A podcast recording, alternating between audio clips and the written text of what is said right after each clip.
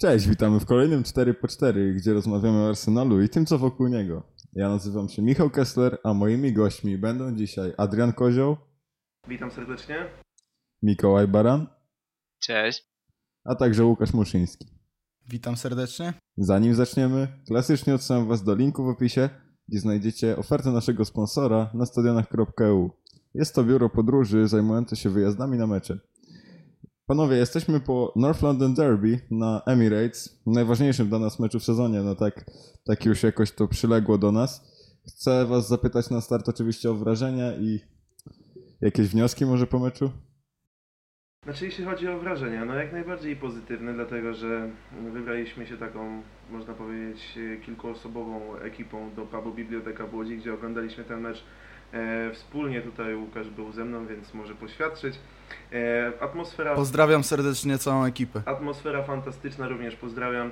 E, wynik trochę nie ten, no bo spodziewaliśmy się jednak zwycięstwa, ale e, jeden z chłopaków powiedział, że to mamy zbyt mocny skład, a Tottenham zbyt słaby, żeby to się mogło udać. Że no i jednak coś w tym było, bo, bo wygrać się nie udało, chociaż e, ten comeback z 0-2 na 2-2 na pewno trzeba, na pewno trzeba szanować.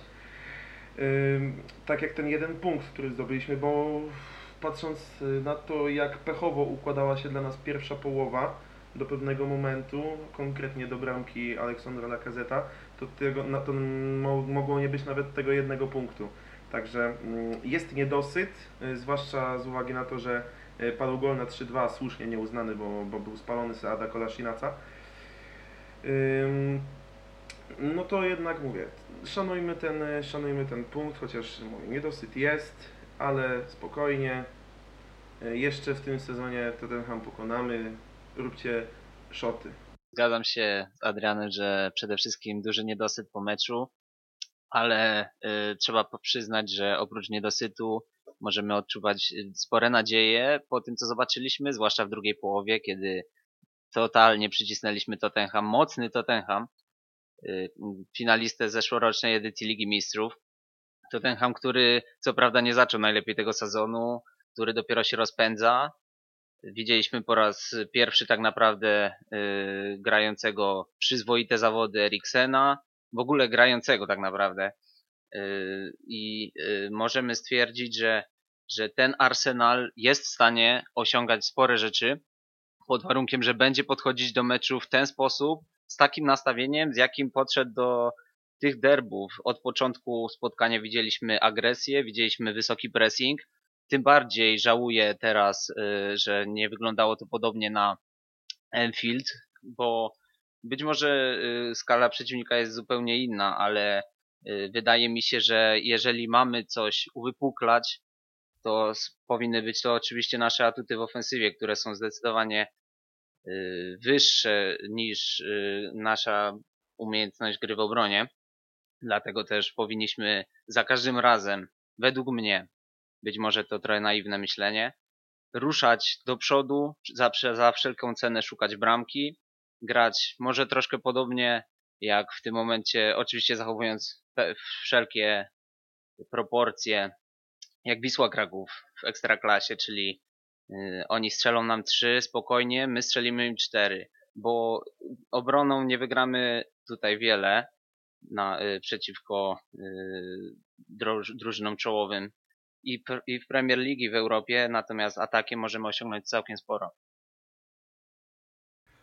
Tak jak Mikołaj wspominasz, ja tutaj, jeżeli śledzicie 4 po 4 co tydzień, możecie tutaj stwierdzić, że raczej staram się być dyplomatyczny, natomiast w tym przypadku e, nie jestem w stanie tego zrobić, ponieważ E, Tottenham na, na Emirates to jest zawsze najważniejszy mecz w sezonie dla kibica, zawsze zakreślamy go czerwonym kółeczkiem w kalendarzu i nie da się tutaj pozostać obojętnym na takie niedociągłości, jakie widzieliśmy.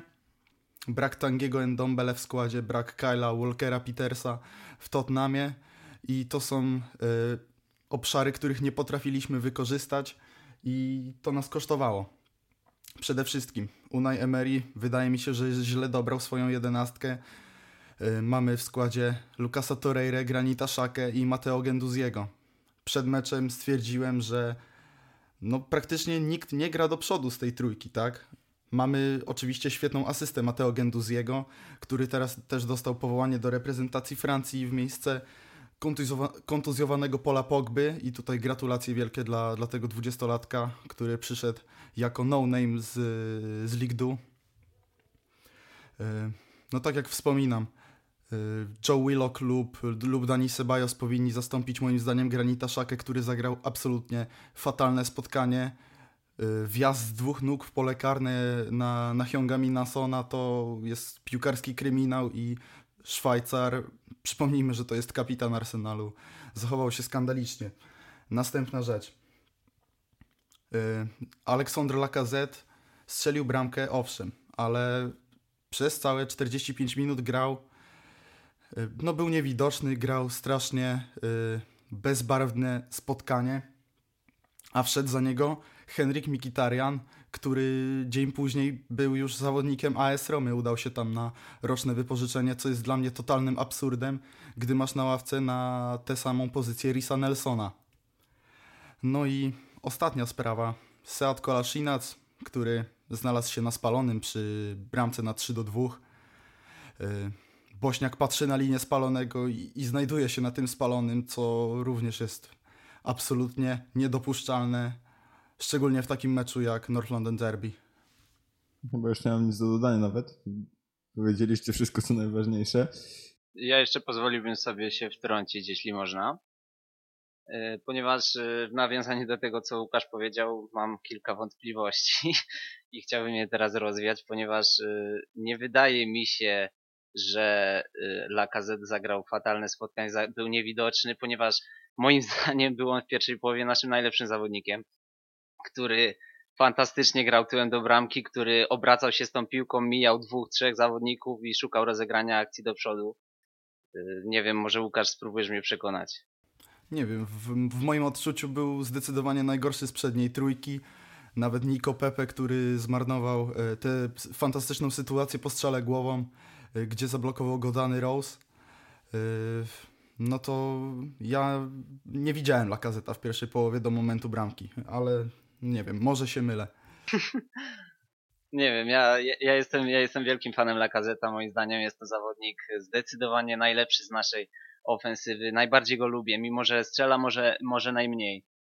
Mimo że liczby ma najsłabsze, ale to jaką pracę wykonuje dla drużyny, jak fantastycznie potrafi wywalczyć piłkę w pressingu, jak znakomicie y, gra w obronie, jak gra tyłem do bramki, zdecydowanie lepiej od y, Giroud, który i tak prezentował to w fantastyczny sposób. I y, Lacazette moim zdaniem przypomina trochę y, Lewandowskiego w kadrze reprezentacji Polski w, tych, w tym czasie, kiedy nie strzelał, a mimo to i przez wielu był krytykowany, a mimo to nieoceniony był jego wkład w grę naszej reprezentacji i wydaje mi się, że Lacazette właśnie pełni podobną rolę w tej drużynie. Być może nie jest frontmanem, ale chociaż y, strzelił fantastyczną bramkę i, i chwała mu za to, ale y, wydaje mi się, że dalej jego rola jest niedoceniana.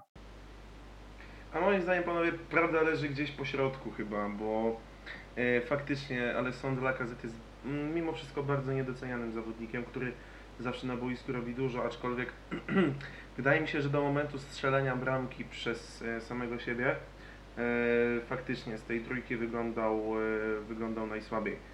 E, starał się oczywiście, ale do strzelenia przez niego, do momentu strzelenia przez niego gola mm, tak jakby to nie był jego dzień. Czyli starał się, robił to co zwykle, ale no, piłka mu po prostu nie siedziała na nodze. Tak? No, to się zdarza. E, każdemu, każdemu zawodnikowi może się zdarzyć coś takiego, ale no, najważniejsze jest to, że w kluczowym momencie e, przyjął piłkę od e, Nikoli Pepe i, i fantastycznie wykończył. Szkoda, że e, później e, zaczął odczuwać, e, zaczął mu doskwierać uraz bodajże z tego co, z tego, co kojarzę i, i Unai Emery musiał go musiał go zdjąć z boiska i zastąpić e, tym, którego imienia i nazwiska nie wolno wymawiać. No właśnie chciałbym jeszcze się do tego odnieść. Łukasz już wspominał, że to jest karygodne, niedopuszczalne i całkowicie niezrozumiałe, a ja chciałbym jeszcze dodać, y, dlaczego on? Mieliśmy na ławce Nelsona, mieliśmy na ławce nawet Joe Willocka. Wydaje mi się, że każdy z nich y, dałby lepszą zmianę. Nie wiem, co się stało z Mkhitaryanem, jak przychodził do United z Borussii Dortmund. Zazdrościliśmy tego wzmocnienia Czerwonym Diabłom, ponieważ fantastycznie prezentował się w Bundeslidze, był królem asyst i y, wszystko wskazywało na to, że połknie Premier League, Mo, może nie połknie Premier League, ale, ale będzie kluczową postacią zarówno United, jak i potem, nawet gdy przychodził do Arsenalu za obrażonego Alexisa, wydawało się, że zrobi fantastyczną robotę u nas w klubie, a to, co się dzieje z tym zawodnikiem ostatnimi czasy jest po prostu przerażające. Najprostsza piłka, przyjęcie na 5-10 metrów, to jest niewyobrażalne, co on robi. Marnuje kolejne sytuacje, w kolejnym meczu zresztą, a mimo to y, wie, klub wiedział i na pewno wiedział o tym Emery, że Mkhitaryan pożegna się z Arsenalem, a mimo to dostał swoją szansę. Nie rozumiem tego kompletnie. Widzisz, Miki, tu się wtrącę jeszcze, bo myślę, że to jest dobry moment na przejście do następnego tematu. Właśnie chciałem porozmawiać o Elnanem i Mkhitarjanie, którzy nas opuścili w tym okienku i od razu ci może jakoś tak nakierować, dlaczego akurat on wszedł. Wydaje mi się, że po prostu y, Emery chciał, żeby on się jakoś godnie z tym klubem pożegnał, skoro już był na tej ławce. Pewnie ten deal już był wcześniej dopięty i po prostu chciał mu dać zagrać ten ostatni raz. A że było to North London Derby, no i, i zagrał jak zagrał, no to to już jakby nie leży w naszych kompetencjach, nie? Skrzywdził nie tylko jego, jak i fanów. Umówmy się, no, w takich sytuacjach nie ma miejsca na sentymenty. Masz na ławce wychowanka, który wie, co, co znaczą derby północnego Londynu i masz najemnika z Manchesteru United na wielkich pieniądzach, który nic dobrego w tym klubie nie zrobił. Miał piłkę w końcowych fazach akcji co najmniej z pięć razy w ostatnich 15 minutach meczu i nie zrobił kompletnie nic i możemy się jedynie cieszyć, że teraz będzie psuł wzrok kibicom we Włoszech. Yy, ale wydaje mi się, że nie wiem, nie jestem tego pewien, poprawcie mnie jeśli się mylę. Yy, czy to nie on zagrywał piłkę do Seada Kolasinaca, kiedy ten był na spalonym? Przy domniemanym golu na 3 do 2? A mi się wydaje, że to był Sebajos, ale nie wiem, nie wiem, nie, nie do końca. Właśnie nie wiem, pamiętam, który z nich, czy to był, czy to był Sebajos, czy to był Mkhitaryan. Wydaje mi się, że któryś z nich, ale właśnie nie wiem kto. Poprosimy podpowiedź na słuchawkę od komputera. Maszyna losująca została zwolniona. A nie, nie. Ja już sprawdzam na szybko. Żeby zająć tą chwilkę, może coś wtrącić o Elnenym. Yy, Adrian? Yy, Mohamed El Neni. Cóż, był to zawodnik, hmm, co do którego w sumie miałem wątpliwości od początku yy, co do jego umiejętności, ale yy, wówczas dałem się omamić takim bardzo prostym trikiem i zabiegiem montażowym, jakim są kompilacje na YouTubie najlepszych zagrań. Tylko yy, wtedy jeszcze nie wiedziałem, że kompilacjami na YouTubie to można zrobić y, piłkarza światowej klasy y, z, ze Sławomira Peszki nawet. Szkodrana Mustafiego. Albo chociażby Szkodrana Mustafiego, który no, kilka tych zagrań dobrych w karierze jednak, umówmy się, miał. No i spodziewałem się, że no, przychodził, był młody, miał chyba 23 lata, więc y, mógł jeszcze się na pewno rozwinąć. Zwłaszcza, że to jest oczywiście inna pozycja, no ale to samo imię, ta sama narodowość z tego samego klubu, co oczywiście pan y, Mosalach. I liczyłem, że, że może to być chociaż, chociaż troszkę podobna skala talentu. Wiadomo, inna pozycja i tak dalej, ale że może coś z niego będzie, tak? No ale y, jednak poza tym pamiętnym meczem z Barceloną na Camp Nou, gdzie strzelił pięknego gola, to nie wiem panowie, czy utkwił wam y, w pamięci jakiś moment y, z jego udziałem. Mi jeszcze utkwiła w pamięci ta kontuzja, bodajże złamanie kostki na, na dwa miesiące przed mundialem. I to jest wszystko, co ja pamiętam ogólnie z jego udziałem, bo e, kiedy był na boisku, to tak jakby go nie było. Nie dawał od siebie absolutnie nic. Był takim trochę, mm, mimo oczywiście różnicy w warunkach fizycznych, takim trochę Joe Allenem Arsenalu, czyli bezpiecznie wszedł boiska albo do tyłu. Nie podejmował, nie podejmował raczej ryzyka. A, jeszcze jest jedna rzecz, której, którego zapamiętałem. Yy, Ładny, bardzo ładny gol bodajże z, przeciwko Batę Borysów e, w Lidze Europy. Ale to był ten mecz wygrany bodajże 6-0, tam chyba nawet Mathieu Debuchy strzelał bramkę, także e, możemy to, ten mecz e, puścić, e, puścić zapomnienie, bo to i tak e, od niego niezbyt wiele zależało. To była faza grupowa i wiadomo jakim składem wówczas Arsenal e, grał. Więc tutaj e, tyle mogę powiedzieć, jeśli chodzi o, o pana Elnenego. Wracając do Mikitariana, to rzeczywiście on zagrywał piłkę do Kolaszinaca, ale wciąż moim zdaniem wina leży po stronie Bośniaka. Kiran Tierney, wracaj proszę. Powiedziałeś, Adrian, że miałeś po- od początku wątpliwości co do Elnenego. Ja dodam od ciebie, że wątpliwości nie miałem żadnych.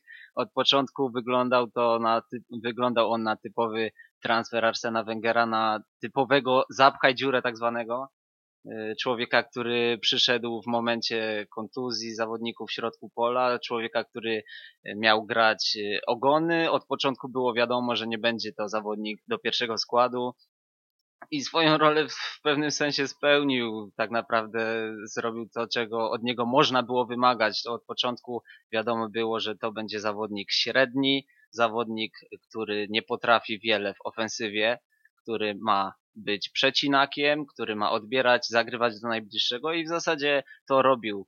Przypomina on trochę to słynne wypożyczenie Kima Kalstroma w ostatnich godzinach okienka transferowego, kiedy nie mieliśmy kim grać w środku pola. Wydaje mi się, że, że nie, nie, mia, nie, nie miał prawa zaistnieć w kadrze Arsenalu i wreszcie się z nim żegnamy. Wreszcie nadeszły czasy, kiedy żegnamy się z zawodnikami niepotrzebnymi.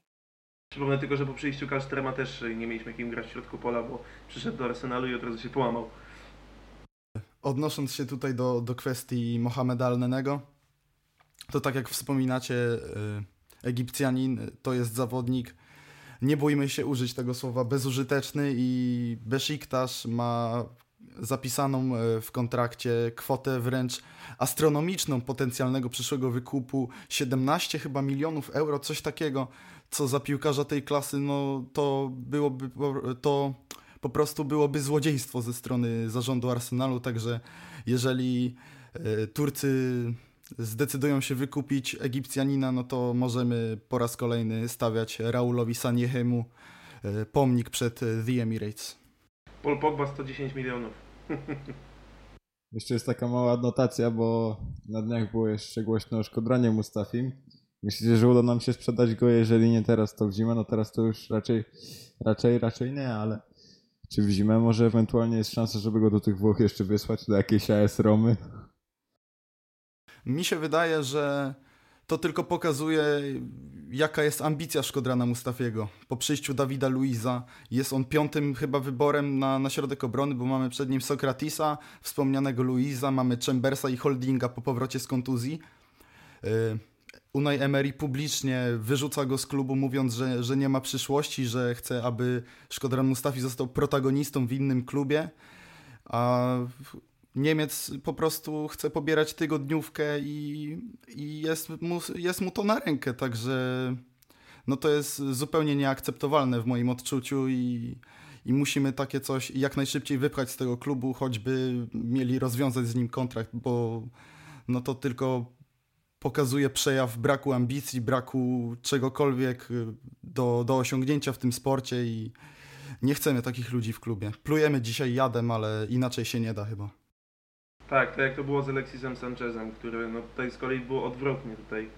E, wszyscy chcieli go zatrzymać, on chciał odejść, ale no umówmy się, efekty były podobne, tak? Czyli po prostu Chilijczyk wówczas grał po prostu słabo, był cieniem samego siebie. E, tak jak y, Mustyk, z tym, że y, Alexis Sanchez, będący cieniem samego siebie, wciąż dawał temu klubowi coś.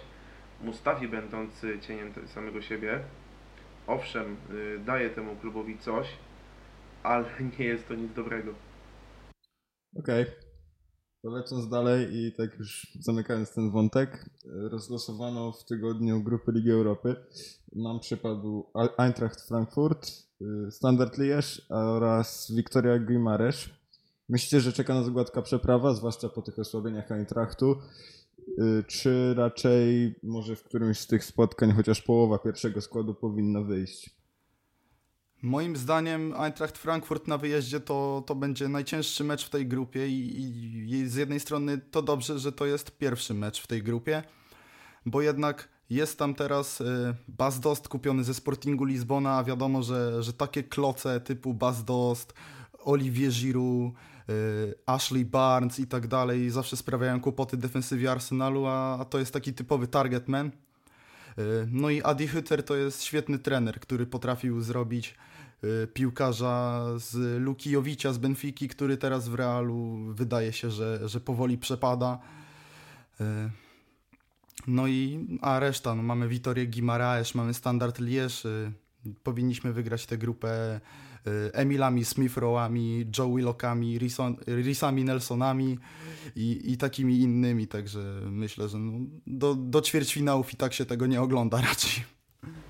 Myślę podobnie z tym, że no właśnie na ten mecz wyjazdowy z Eintrachtem mm, trzeba będzie chyba wystawić może nie once de gala, jak to się mówi po, po hiszpańsku, ale, ale na pewno więcej zawodników y, pierwszego składu będzie musiało wyjść niż na, niż na pozostałe spotkania.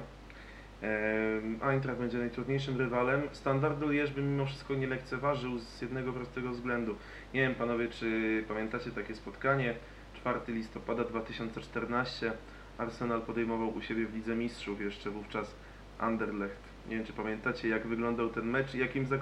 Tak, do, do 61 minuty Arsenal prowadził 3 do 0, skończyło się y, 3 do 3. Y, dwie bramki strzelił nam o zgrozo boczny obrońca Antony van den Borek. Tak, także mm, tutaj na pewno bym nie lekceważył standardu. Oczywiście to nie jest pewnie tej samej klasy drużyna, co wówczas e, Anderlecht, gdzie wówczas e, po ataku śmigał niejaki pan Aleksander Mitrowicz. E, ale, no ale mówię, mm, miejmy, miejmy, że tak powiem, respekt. Będziemy faworytami, ale, ale nie możemy sobie myśleć, że grupa jest wygrana jeszcze przed, e, jeszcze przed meczami, bo na to boisko trzeba wyjść, wybiegać 90 minut, e, strzelać bramki i, i dopiero wtedy będzie można dopisywać sobie, sobie punkty. Jak to się mówi, jak to kiedyś powiedział pan Dariusz Szpakowski, piłka nauczyła mnie pokory i myślę, że e, tej pokory powinniśmy mieć więcej. Oczywiście musimy to wygrać, ale e, pokażmy to e, postawą e, sportową na boisku, a nie, że tak powiem, e, przy, e, przy mikrofonie mówiąc o tym, że na pewno wygramy i tak dalej. Wybiegajmy i wtedy, i wtedy cieszmy się z wyjścia, mam nadzieję, z pierwszego miejsca.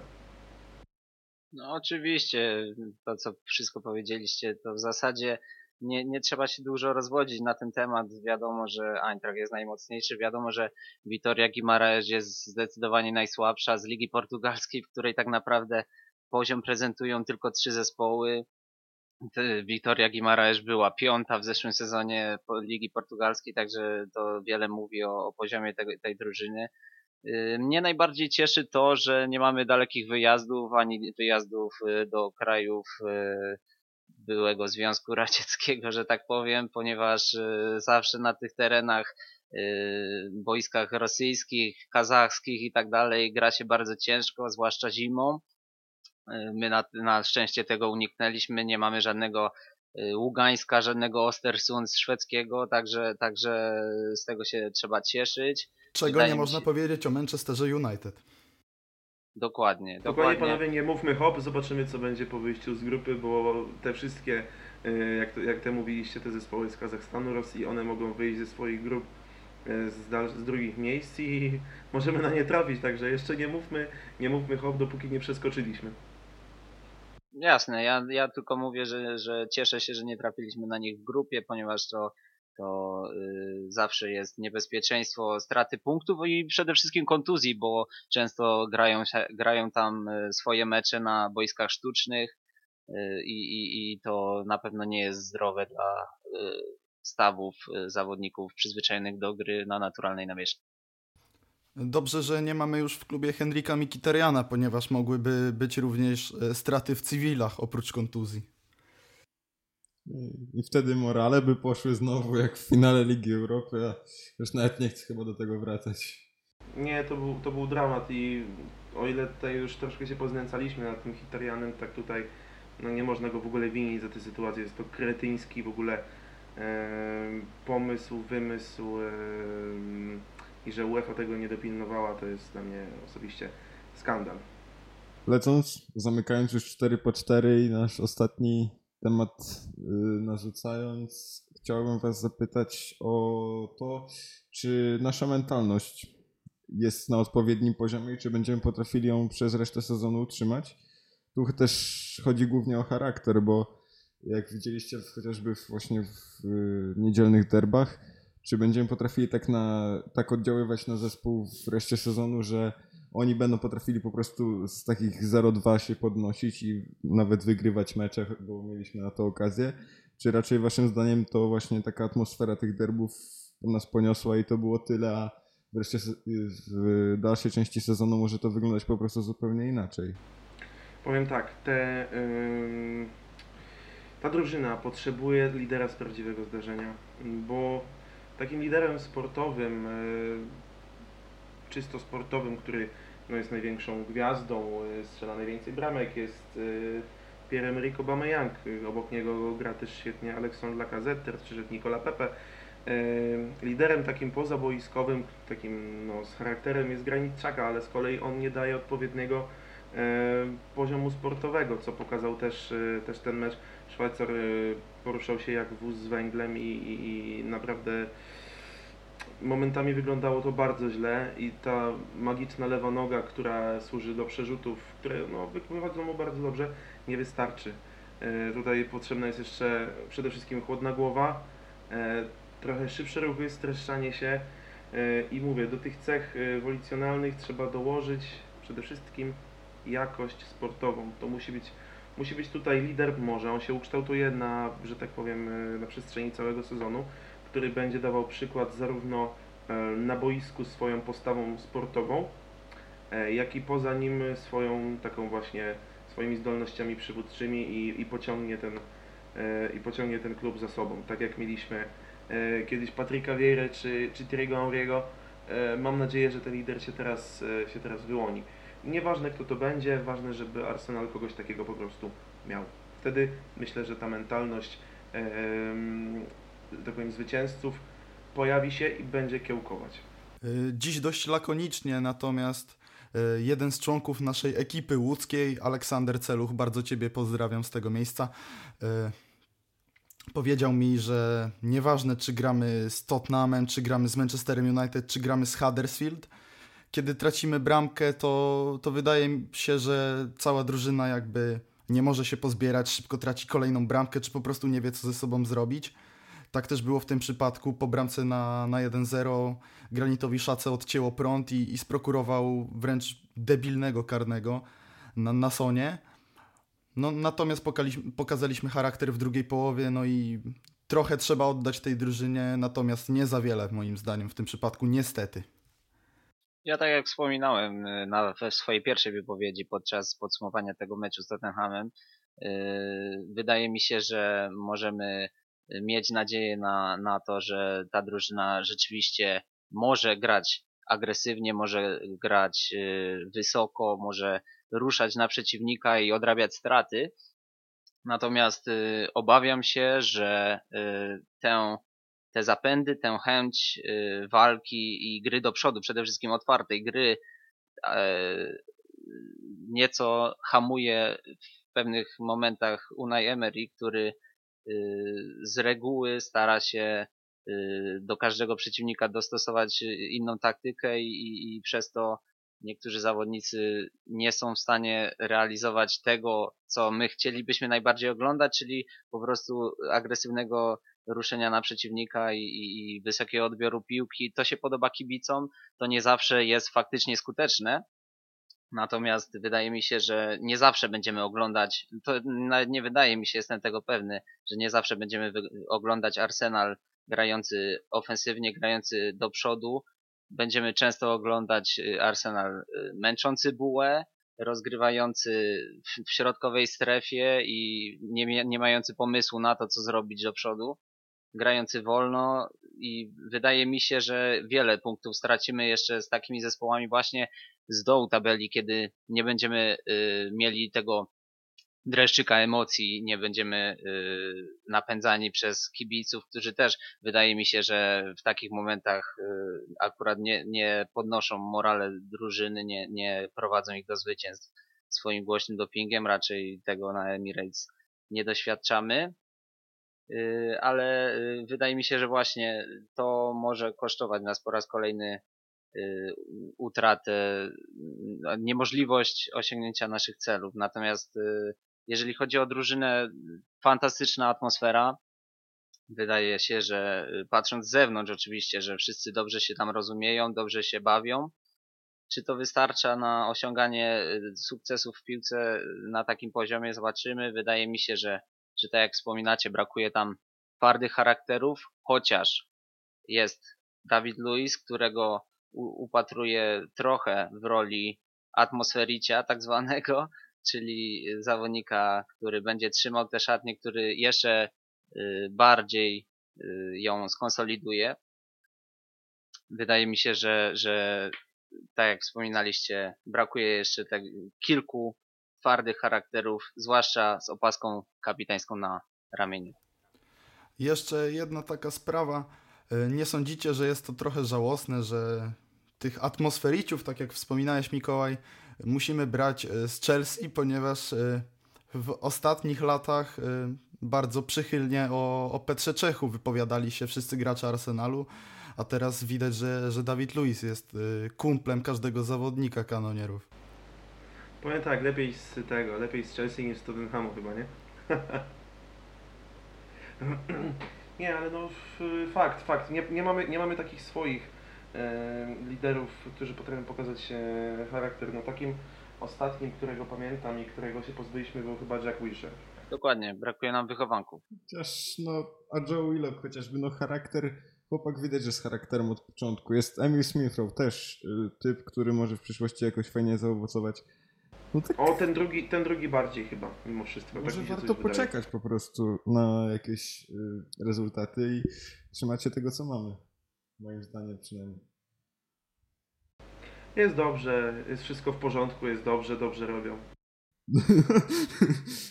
I tą pozytywną myślą będziemy się z wami żegnać. Dzięki za dzisiaj. Moimi gośćmi byli Adrian Kozioł, Dziękuję bardzo. Mikołaj Baran Dzięki na razie. i Łukasz Muszyński. Dzięki, do usłyszenia. Dzięki i do usłyszenia.